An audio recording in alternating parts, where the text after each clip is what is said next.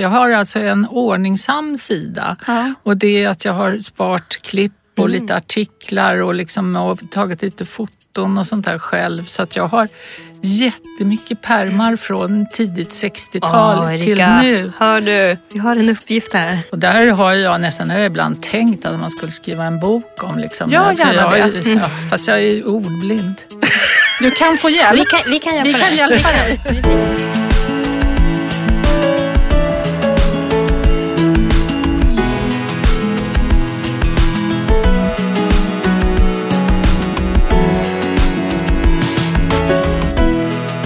Hej och välkommen till det tredje avsnittet av Görbart, en podd om handgjort skapande. Vår tredje gäst heter Vanja Djanejeff. Hon är en textilformgivare med över 50 års erfarenhet i branschen som bland annat professor i textil och utställningsproducent. Vi pratar med henne om hur det var att efterträda Astrid Sampe på NKs textilkammare, om Konstfack och hennes mönster till den svenska OS-truppen samt hur det var att förse SJ med 9000 uniformer.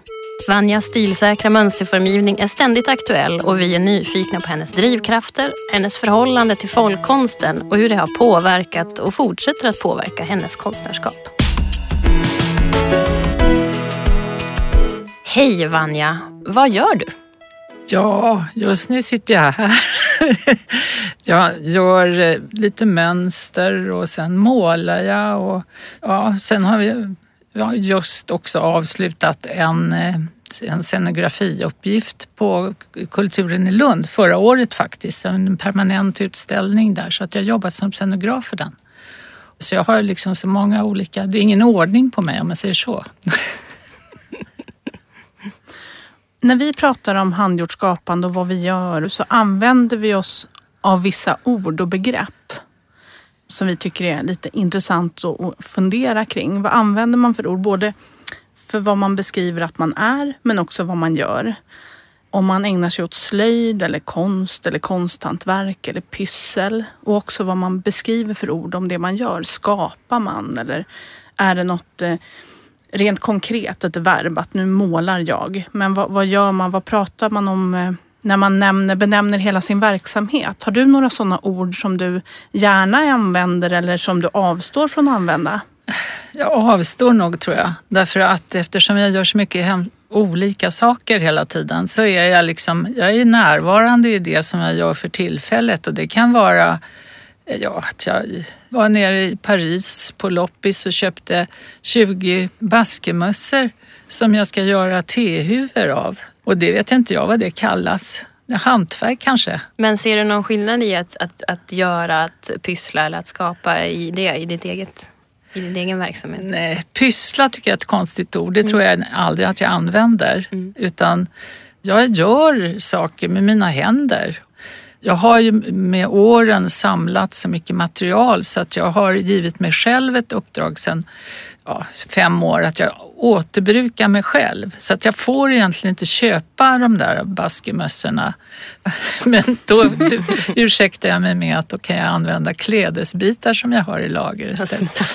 Kan ansöka om en dispens. Ja, det så är bra. är det. det är bra.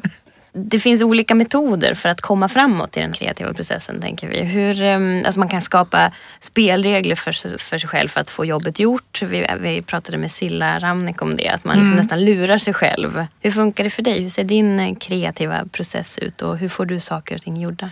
Ja, på två olika sätt. Dels så har jag en vision om att jag ger mig själv ett uppdrag. För jag är ju så van att jobba med uppdrag och, eh, och så måste jag vara tänd på idén så att jag liksom eh, orkar genomföra det. Och sen så, så kommer man in i ett slags flöde eller i någonting sånt så att det plötsligt lever sitt eget liv.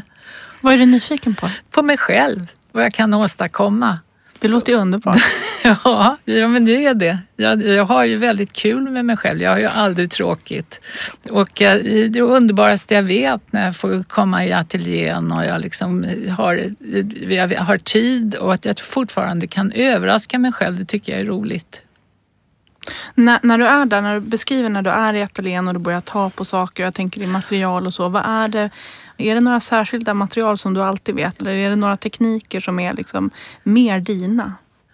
Alltså, eh, jag gjorde ju ett linprojekt som jag tycker linet är ett sånt underbart vackert material. Mm. Och att det är liksom ett sant, inte svenskt, men det borde kunna vara, göra mycket mer av det. Mm.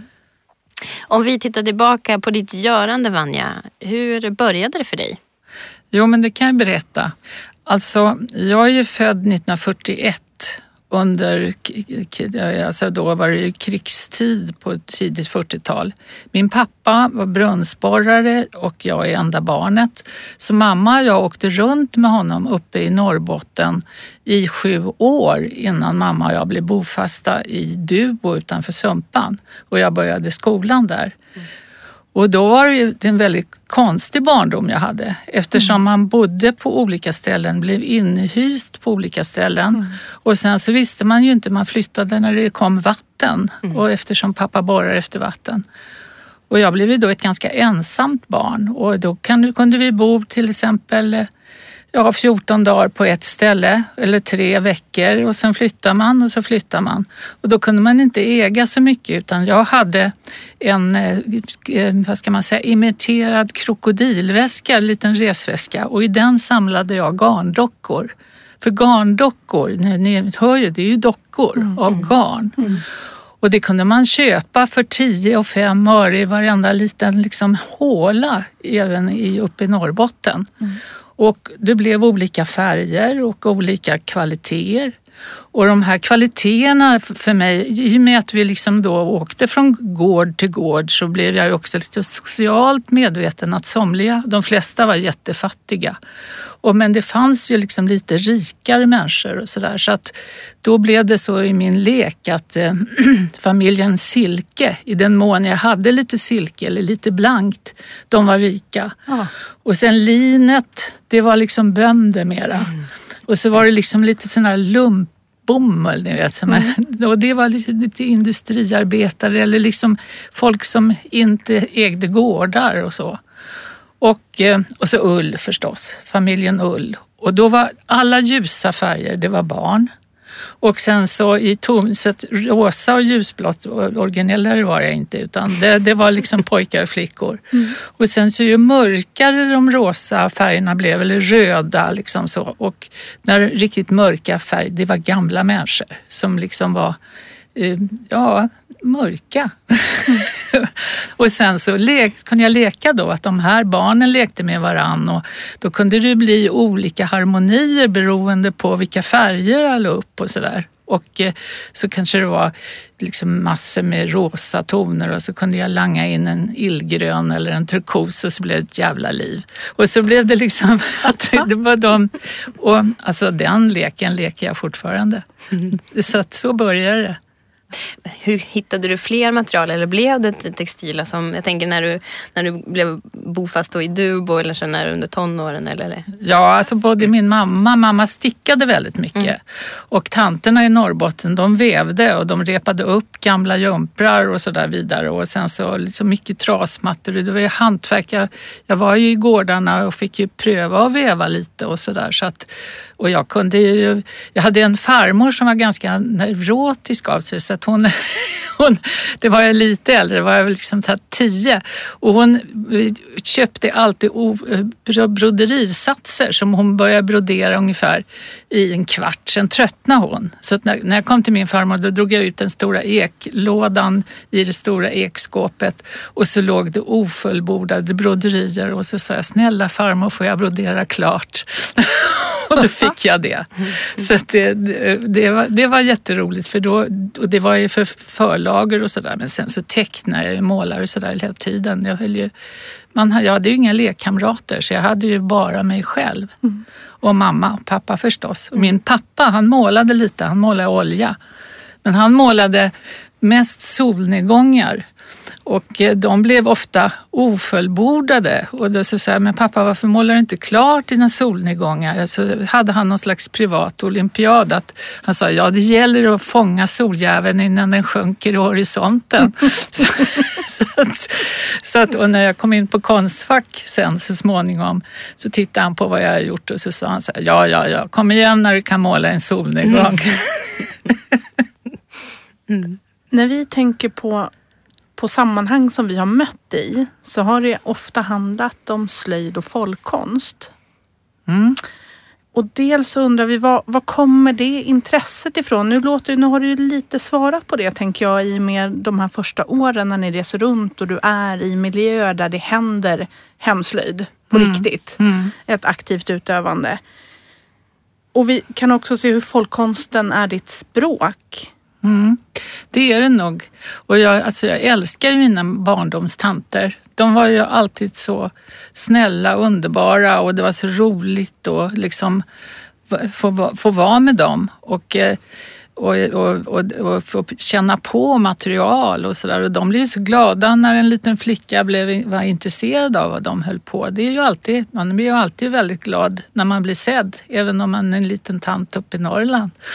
så, och sen så var det ju så att när vi flyttade till Dubo då var, fanns det nämligen en sybörsaffär där med massor med tyger. Och det var två systrar som hette Rudebert hette de.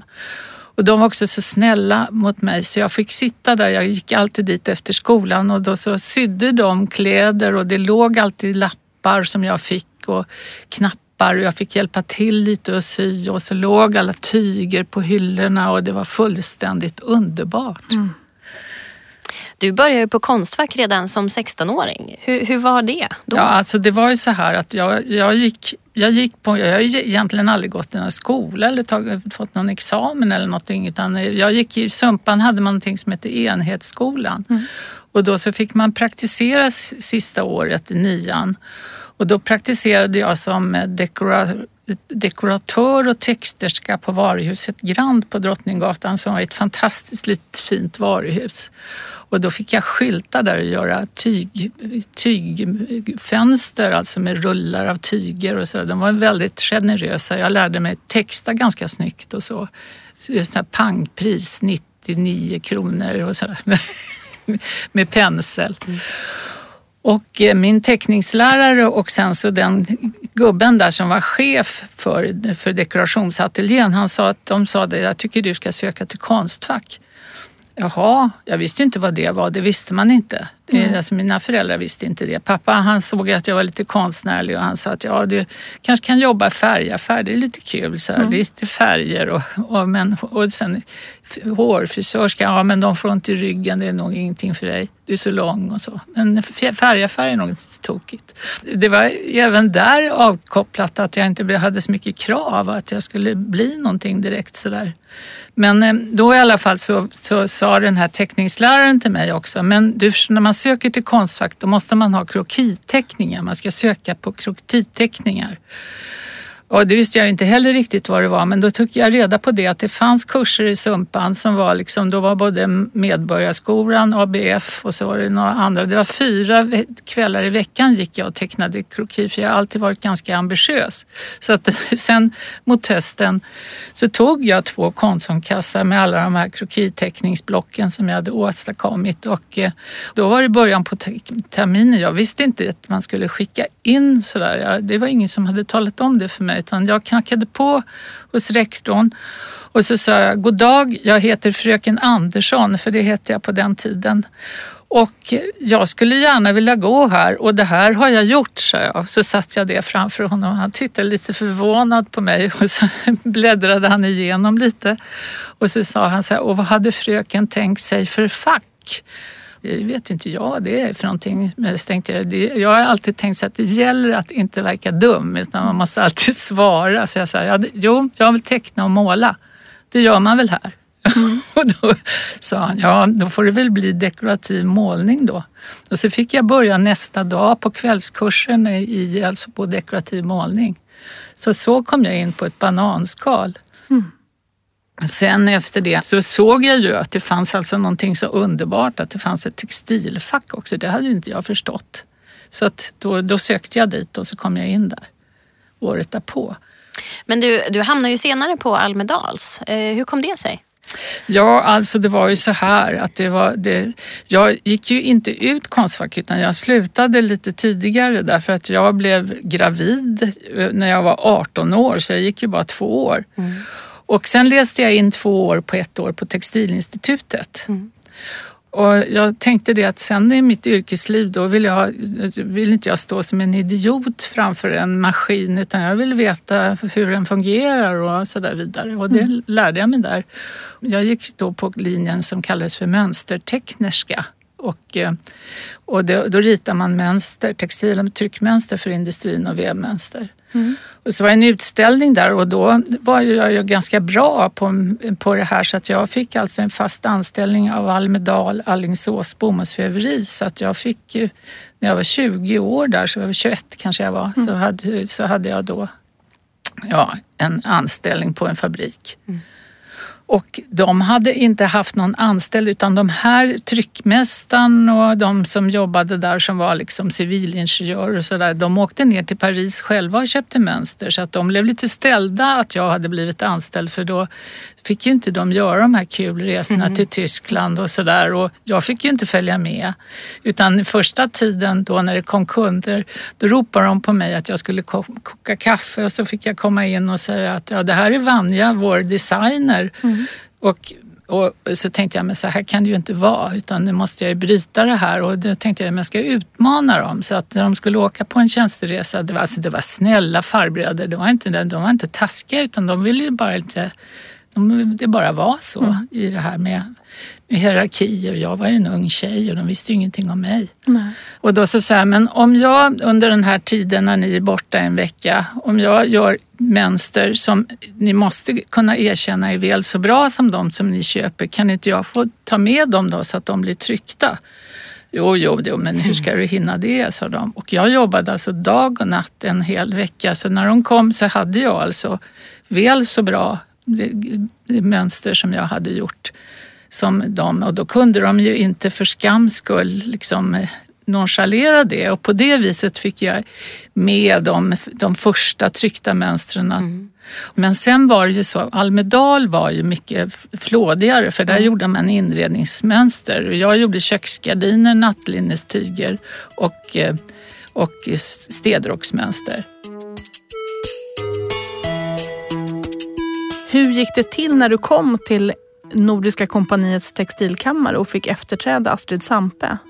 Jo, det gick till så här att jag hade alltså eh, sagt upp mig på Almedal så jag jobbade som frilans i några år. Och då var det så här att NK hade faktiskt blivit uppköpta av Turiskoncernen. Turis var alla EPA-varuhusen. Det var 600 EPA-varuhus i Sverige då som fanns i varje liten småstad. Mm. Och eh, Astrid, som jag då också hade lärt känna, hon var ju liksom den stora fantastiska textilkonstnärinnan eller designen och hon jobbade ju då internationellt och så och eh, hade gjort de här fantastiska kollektionerna med konstnärer som trycktes på Ljungberg och så vidare. Mm. Och eh, vi blev i alla fall väldigt goda vänner och eh, och jag tyckte det var jättejobbigt när jag skulle efterträda henne och jag, och jag sa, men du kan väl sitta hos oss för vi fick ju liksom då en stor ateljé. Men så sa hon, nej men det är bra för mig, jag, jag litar på att du kan göra det här. Och jag beundrar ju henne enormt, hon är ju fantastisk. Men jag tänker Textilkammaren, vad var det för verksamhet? Ja, Textilkammaren var alltså en designavdelning mm. och där gjorde man alltså, arbetade med produkter till hela varuhuset. Mm och eh, också jobbade som eh, att man kunde köpa tjänster av de designers som var där på Textilkammaren. Och det var flera jätteduktiga formgivare som Astrid hade runt omkring sig. Mm. Och när jag kom dit, då skulle jag alltså arbeta tillsammans med dels alla EPA-varuhusens alla inköpare och alla NK varuhusens inköpare. Så då var det också, det fanns några som jag liksom ärvde av formgivarna där och sen så anställdes det lite nya. Och det var ju fantastiskt arbete. Det var ju, mm. så att, och det var inte bara alltså textil utan det var leksaker och det var keramik och jag skickades till Italien och fick åka runt där bland keramikfabriker och titta på former och då alla stod så här för det var ju 600 eh, liksom varuhus och om jag pekar på något så rusar alla fram. Det var en jättemärklig roll man hade men oerhört kul. Jag fattar liksom inte riktigt. Mm. Nu efteråt så var det ju fantastisk tid. För du var där 19, från 1970 och 1977. Ja. Mm under de åren på Textilkammaren, ja. fick du göra saker då eller var det du som övervakade och hade det övergripande liksom, överblicken och, och helhetsperspektivet? Eller fick du också vara formgivaren under Absolut. den tiden? Mm. Ja, annars hade jag dött ja, av ja, tråkighet. Jag misstänker det. Ja. Jag är alltså inte hade alls den, jag, jag, blev, jag var ju chef så jag ja. hade ansvar. Vi jobbade ju tillsammans men eh, vi hade ju olika uppdrag och det var, det var väldigt roligt för att en av de första sakerna som vi skulle göra så var det sådana här teman. Det var såna här, marknadsavdelningen hade någonting som hette Sommarlivet och då skulle man göra koordinerade program som skulle stämma på alla avdelningar. Och då jobbade jag med Aino Östergren och vi gjorde tillsammans ett tyg som hette Sommarlivet som blev en sån här enorm succé. Kan inte du berätta om eh, OS-uppdraget där du gjorde kläder till svenska OS-truppen? Ja, då arbetade vi tillsammans med inköparna på NK och då eh, själva Olympiakommittén skulle då köpa eh, kläderna från NK men då skulle ju inte det vara bara hopplock av vad som fanns utan det skulle igen bli en linje och en attityd till det här. Och eh, då jobbar jag med Kerstin Bolonier också som är också en av, av de medarbetare som är jätteduktiga och klädformgivare. För att då, då var ju kläder och det skulle ju vara prototyper och det skulle läggas produktion i, i, i, hos konfektionärer. Och försäljningsdirektören där var jättebra att arbeta med. Mm. Så att jag hade ganska stora fria händer liksom inför det här. Jag tänkte på min pappa som satt och skrek framför tvn när någon gjorde mål och sådär. Och eh, tänkte att eh, nej men eh, nu, nu ska jag göra dem svenska, de ska bli så otroligt svenska. Och jag tyckte det där var lite komiskt. Jag liksom var lite före i den här ironiska generationen. Det var ingen som förstod att jag var ironisk. Nej. Så jag tänkte nu ska de fan mig få kronor ända in på kalsongerna. och, eh, och då skulle det här presenteras och det var liksom också, plockade jag ifrån folkkonsten faktiskt. För jag tänkte lika väl som man plockar alla idrottsmän så kan jag plocka liksom ett eh, Ja, eh, jag tog den blå färgen från samernas koltar och det sämskinn från liksom Dalarna och sen och de hade också på, på sommaren hade de tre skor och på vinter, jag gjorde en vinterolympiad också då när mm. Stenmark eh, vann. Då hade de näbbstövlar, alla jo, hade det snällt. Mm. Den här Stenmarksmössan, den var egentligen från ett skånskt eh, vävt band, ett folkloristiskt som sen översattes till en tröja och stickad trikå. Så lades allt det här ut hos olika pro producenter. Jag gjorde ju inte allt det här själv men mm. jag liksom Eh, vi, vi, vi jobbar ju tillsammans. Hur, förlåt att jag avbryter men hur tydligt var, hur tydlig var den förklaringen? Visste folk det eller använder man det i marknadsföringen? För jag tänker så här, man googlar eh, de här mönstren om man ska få reda på hur det här ser ut. Då, då får man ju väldigt lätt upp en bild av Hoa Hoa har ja. pratat om. Alltså det är den mörkblåa t-shirten med gula, gula kronor. Ja, och, och jag tror alla känner igen ja, den. Det blev, det blev nämligen så här att eh, när jag visade de här idéerna, för det var, det var liksom så på gränsen att det skulle gå igenom eller inte. Och då sa jag så till, till dem att om det blir skandal så säg att ni inte har sett det. Skyll på mig att jag gjorde en kupp. Men mm. om, alltså, om det blir succé så är äran er. Och det mm. var ju jättebra trick. Mm. Rimligt, ja. tyckte de.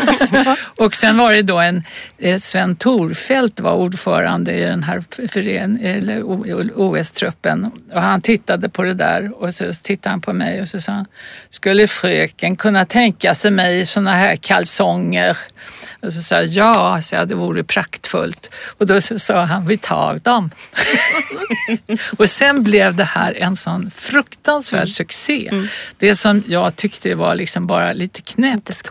Ja, mm. och men och, det, och alltså alla ambassader hade det här, gå bort i present och så liksom, och det blev, och MMT som tryckte det här, de höll på med det där i tre år och, tro, och gjorde ingenting. Men jag hade ju ingen royalty. Så för jag var ju anställd så att det var ju liksom, då fick man Just inte det. royalty. Annars hade jag ju fått en hacka där. Ja. Det hade varit bra, men det var ju kul. Sen blev det ju så mycket att jag nästan spydde på det. Liksom hela Västerlånggatan med kopior och liksom fortfarande liksom så är ju det där. Så det där är väl någonting som jag anonymt satt på kartan för Sverige ändå. Och Jag tycker fortfarande faktiskt att det är ganska snyggt. ja, Det håller någonstans. Och idén var rätt kul. Definitivt. Vi vill ju höra om SJ-uniformerna. För det låter ju så helt, vilken, vilket uppdrag. Ja. Kan, kan du berätta lite grann om ert uppdrag? Ja, och det var också så att då, då var det också det politiska klimatet med att textilindustrin höll på att läggas ner och eh, det var tal om alternativ produktion.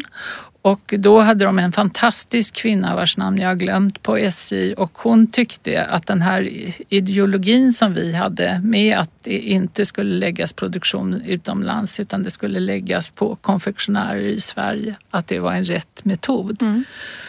Och det var ju ett stort jobb och vi gjorde liksom funktionsanalyser och åkte runt och studerade hur man jobbade. Och jag åkte med tågförare i Gävletrakten och eh, antecknade och liksom såg eh, hur skorna skulle vara för att de liksom, det var, vi gjorde liksom skor som det gick att köra bil i utan att, som inte var raka utan de var eh, liksom formade som en, inte cirkel men mjuka. Mm, mm helar så att de kunde rulla på dem lite och sådär. Det, det som var också intressant det var ju att det, var, det fanns ju bara eh, personalkläder för män, inte för kvinnor. Och kvinnor var ju gravida så vi fick ju göra liksom då liksom kläder till kvinnor också som de kunde jobba i. Och sen hade vi färgerna, de var liksom ganska viktiga. Det var liksom svart som kolet och sen var det den blåa färgen igen som var samernas, den här blåa som jag tycker är väldigt fin. Och sen så var det Falu rödfärg för våra, våra röda hus och sen så Ja, det var de tre och sen så en ljusblå som himlen så att det var två blå färger. Det var den väldigt kompakta färgskalan som vi hade med olika och så var det bara naturmaterial alltihopa. Och det här blev ju liksom, och de var jätteglada för sina kläder och de var hur fina som helst och vi fick ju massa såna här utmärkt svensk form och alla möjliga priser för det här så det, det var ju bra. Och det hade vi då som ett designuppdrag i Svenska designbyrån.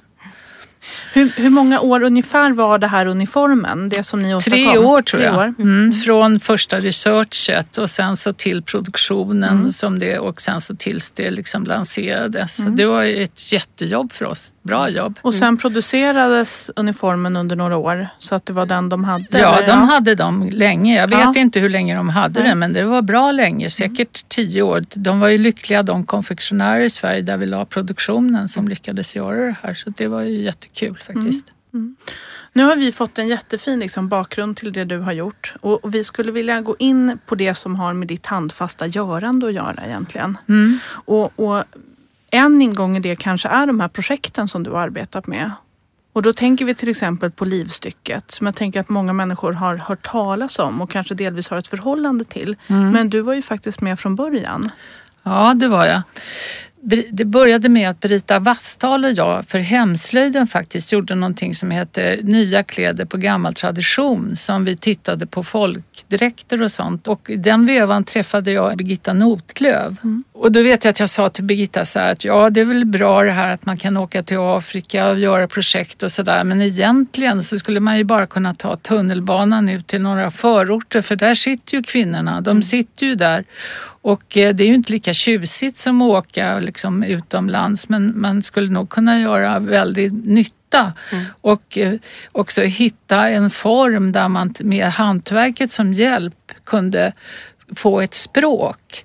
Och att istället för att de sitter på skolbänken och är 50 år och liksom har svårt att lära sig nya och så sitter de med en kunskap och de blir mer och mer förminskade så skulle man bjuda in och säga att kom här och baka ditt bröd och samtidigt som man bakade så sa man ugn på svenska, bröd och mjöl och sen så skulle man kunna också gå ut och trycka de här tygerna ute i ett tryckeri eller liksom göra någonting annat eller brodera eller något. Så man kombinerade liksom görandet med in, inlärning av mm. ett annat språk. Mm. Vi, vi skulle vilja komma in lite på folkkonstutställningen på Nordiska museet i Stockholm. Och för den som inte har varit där så är det en fantastisk utställning som vi verkligen kan rekommendera. Ehm, det skulle vara roligt att höra dig berätta lite mer om ditt arbete med den. Ja, det var så här alltså. Det, finns, det är rätt kul för jag nämnde ju det här att det var den här nordiska linseminariet var uppe i Järvsö. Just det.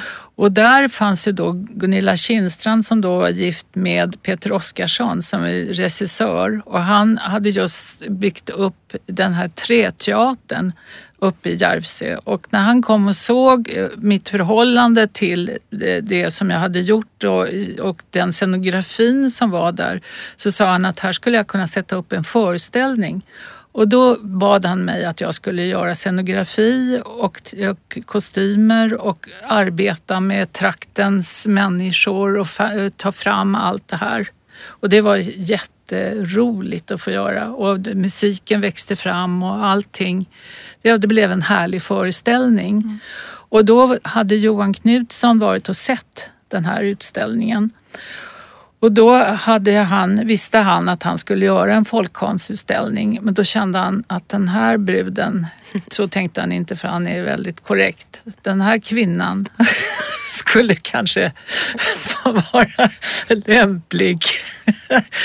och eh, för han kände någonstans igen och att mina intentioner stämde med hans intentioner. Och det där är lite kul för jag tycker när jag ser tillbaks på mitt liv så är det ringar på vattnet som har liksom den ena ringen går in i den andra. Att det finns någon slags logik i det fast det är inte jag som styr det utan det är liksom omständigheterna och att att det som jag har gjort ses då med, av, med andra människors ögon och som, som att det kan gå vidare som det blev nu i det här fallet. Mm. Och det var ju väldigt roligt att jobba med Johan för att han kände ju att jag kunde ju mycket om folkkonsten så vi kunde ju liksom, han ville ju att jag skulle vara med. Alltså det var en regi. Va? Men sen vad, som skulle, vad vi skulle ta fram för vad som skulle väljas ut, det fick jag vara med på. Och det var ju helt underbart att få vara nere i Nordiska museets samlingar mm. med vita handskar oh, och bara liksom dra ut alla de här lådorna. Mm. Alltså det var ju en lycka för mig som var helt sanslös. Och sen välja ut och försöka tänka och hur det här skulle presenteras. Och, och sen var det så roligt därför att eh, Johan och jag var inte alltid överens. Och just eh, när det var, det var två skåp. Johan tyckte ju att det här, han tyckte att eh, folkkonsten hade så låg status gentemot den riktiga konsten och så därför var det viktigt för honom att det var väldigt välmålat. Kurbitsarna var väldigt, mästarna där skulle vara liksom skickliga. Medan jag blev helt kär i taffligheten mm. eller liksom misslyckandet. Men strävan tycker jag, att själva strävan tyckte jag var så härligt och bland annat var ett gammalt skåp som, som jag lyckades liksom få fram med moln på som ja. jag tycker det är så underbart och han sa, du kan ju inte visa det här, det är ju så fult målat. Och så sa jag, alltså jag är inte med om inte vi, jag, jag slutar om inte jag får visa det här skåpet. Så vi hade liksom väldigt mycket snack om tillkortakommanden. Men det tycker jag är just med, med just slöjden som, som helhet, eller folkkonstens, det absolut mest fantastiska. Där just att det finns någonting vackert i det, i det som är tillkortakommandet. Eller det ja. som är, att man har försökt. Jag, blir också så otro, jag förstår precis vad du menar. För jag blir så otroligt rörd av just det där skåpet. Jag tänker att alla borde gå och kolla bara på skåpet i, med molnen i utställningen. Jag skulle kunna prata en timme bara alltså om för skåpet. Att det är så ja, roligt, molnen får vandra ja. ut där på väggen. Och man ser att ambitionen har varit så stark och så, så mycket. Och, och, och, det tycker jag är en det är mina absolut favoriter också just med just slöjdens liksom, fascination. Att det finns så mycket att plocka av för att man, det slår får en sträng rätt in i hjärtat på något Ja. sätt. Ja. Jo, men och det var också just när man skulle göra scenografin till det här. Det är ju svårt att inte få ta, scenografin får inte ta över. Utan den ska ju liksom på något sätt framhäva, ungefär som när jag jobbar med kvinnorna. Att det, det, det, är liksom, det är inte jag som ska så, utan tvärtom. Det ska visas liksom. Och det ska vara en känsla som vibrerar så att man liksom förstärker känslan. Liksom. Jag är väldigt glad över att jag fick göra den där utställningen. Jag, jag går och tittar på den ibland och jag ty- tycker faktiskt att den är riktigt bra. Ja, det är den verkligen. Och de, den uppdateras ju också något, eh, vilket gör att jag tycker att man eh, med fördel går och tittar på den här Mm, utställningen. lite nu och då. är Mm. vår ständiga rekommendation ska jag säga. Mm. Det jag skulle vilja prata lite mer med dig om det är väl just ditt eget skapande sådär. När du gör för, för ros skull eller för lusts skull själv. Vad gör du då? Finns det ett sånt läge där du sitter och småpratar och har något handarbete och vila i? Vad gör du då? Jag har alltid haft stickningar och sånt. Alltid någonting för händer. Ja. Att, att eh, lyssna på radion eller, eller också sitter jag och tecknar. Eller målar. För det är också någonting som jag har längtat efter att få göra. Och, eh, och som har varit liksom, lite oförlöst. Och det är också liksom att cirkeln sluter sig. För att man börjar ju som barn att teckna och göra det där och rita och måla som det hette. Just det. Det, det känns ju som att du har ju, om man ska bli riktigt bra på någonting så ska man ju lägga 10 000 arbetstimmar. Är det ju någon slags så här idé om 10 000 timmar. Det har ju du med råge lagt på din yrkesgärning. Idag så växer det ju fram en, en görande kultur där väldigt många vill prova på och det finns ju en vurm för DIY, alltså do it yourself-rörelsen och allt det där. Ser du den rörelsen idag och kan du dra någon parallell? Jag tänker till 60, 70, 70-talet fanns ju också den typen av våg. Ja, det var det där hönsestricket. Mm, till exempel. Ja, just det. Och jag tänker det du, du som har följt den, och, och ser, du att det, ser du samma tecken idag? För idag finns det ju en väldigt aktiv politisk scen kring just görandet igen. Ja. Att man vill använda sig och lära sig och inspireras av. Ja, jo, men det gör det ju. Och, det, och jag tycker framförallt att det är så jätteroligt att det är unga människor som har kommit tillbaks till, Mm. till för det, det, det går nästan inte, man, det finns ingenting man mår så bra av som att, liksom, att göra minsta lilla sak som man ändå åstadkommit och som man sätter där så är det ett bevis på att man finns. Det är liksom ett, ett, det speglar och ju mer- man, desto mer finns man. Och desto mer liksom tillfredsställande är det att kunna åstadkomma någonting särskilt i den här abstrakta så vet det, eller vad det heter som man lever i med, med alla selfies och alla som är abstraktioner, liksom korta, det försvinner, det är liksom är ingenting som består. Och det tror inte jag är bra. Jag menar, men det, det här blir då en handgriplighet att hålla sig kvar i någon slags verklig värld, tror jag. Men tänker du att det finns eh, hopp om, om eh, just den kreativa kraften då? Om, om, man, om man tänker sig, finns det, finns det möjlighet att förändra någonting? Förändrar vi varandra, världen eller framtiden? Ja, det kan, man kan ju alltid förändra. Jag menar, men det är bara man tittar på kvinnorörelsen. Jag har just precis läst en bok nu som heter mm, Genier som är intervjuer med olika kvinnor. Moa, Gammal. ja just det, den tyckte jag var jättebra. Dagens boktips tror jag faktiskt. Det är det va? Mm. Den tyckte jag var så bra därför att den förmedlar en sån kraft och just det här att eh, hon, hon koncentrerar sig på att man äger sitt eget liv. Att man alltså på något sätt har ett, man kan känna sina egna konturer upplever jag. Att, att jag finns, att jag liksom jag känner var jag, var, jag slutar och var jag börjar någonstans. Att jag tror att det är jätteviktigt. För det, det tycker jag att jag, jag är väldigt stolt att jag har alltså kunnat försörja mig och mina fyra barn. Jag har varit ganska mycket ensamstående morsa på mitt, mitt jobb med, med, som är ett sånt svårt arbete. Jag har ju liksom fått liksom hugga på allt som har rört sig för att liksom släppa hem till boet. Så, här.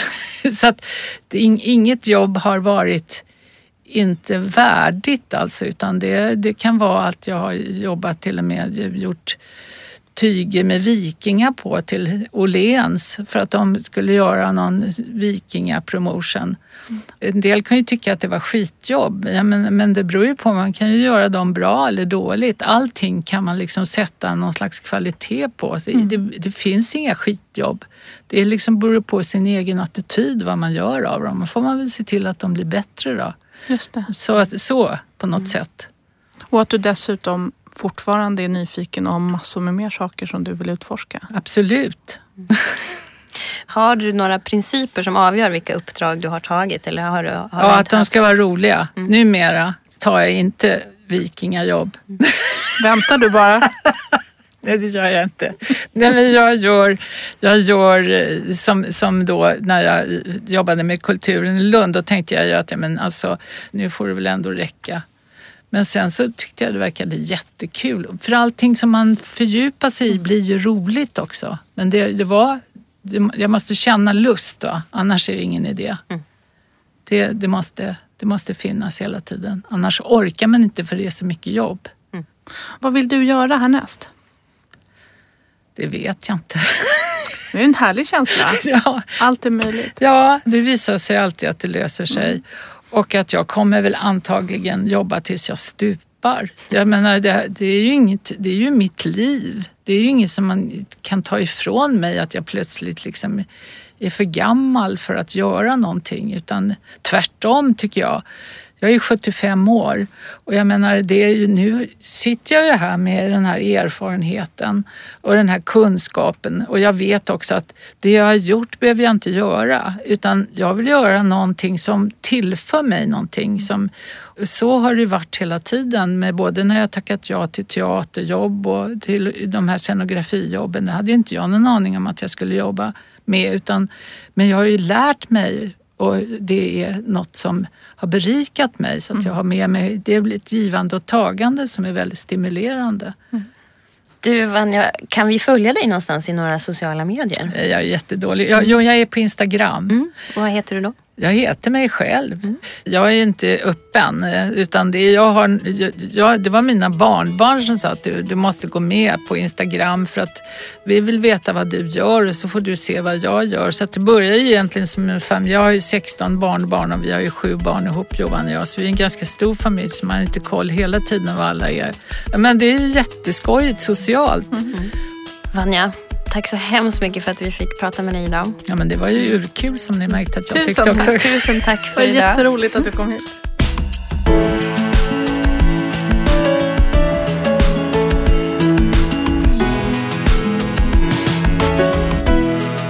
Mer om oss hittar du på vår hemsida gorbartproduktion.se eller i sociala medier. På Facebook under Görbart, på Instagram under Görbart Produktion. Görbart produceras av Beppo. Tack för att du har lyssnat.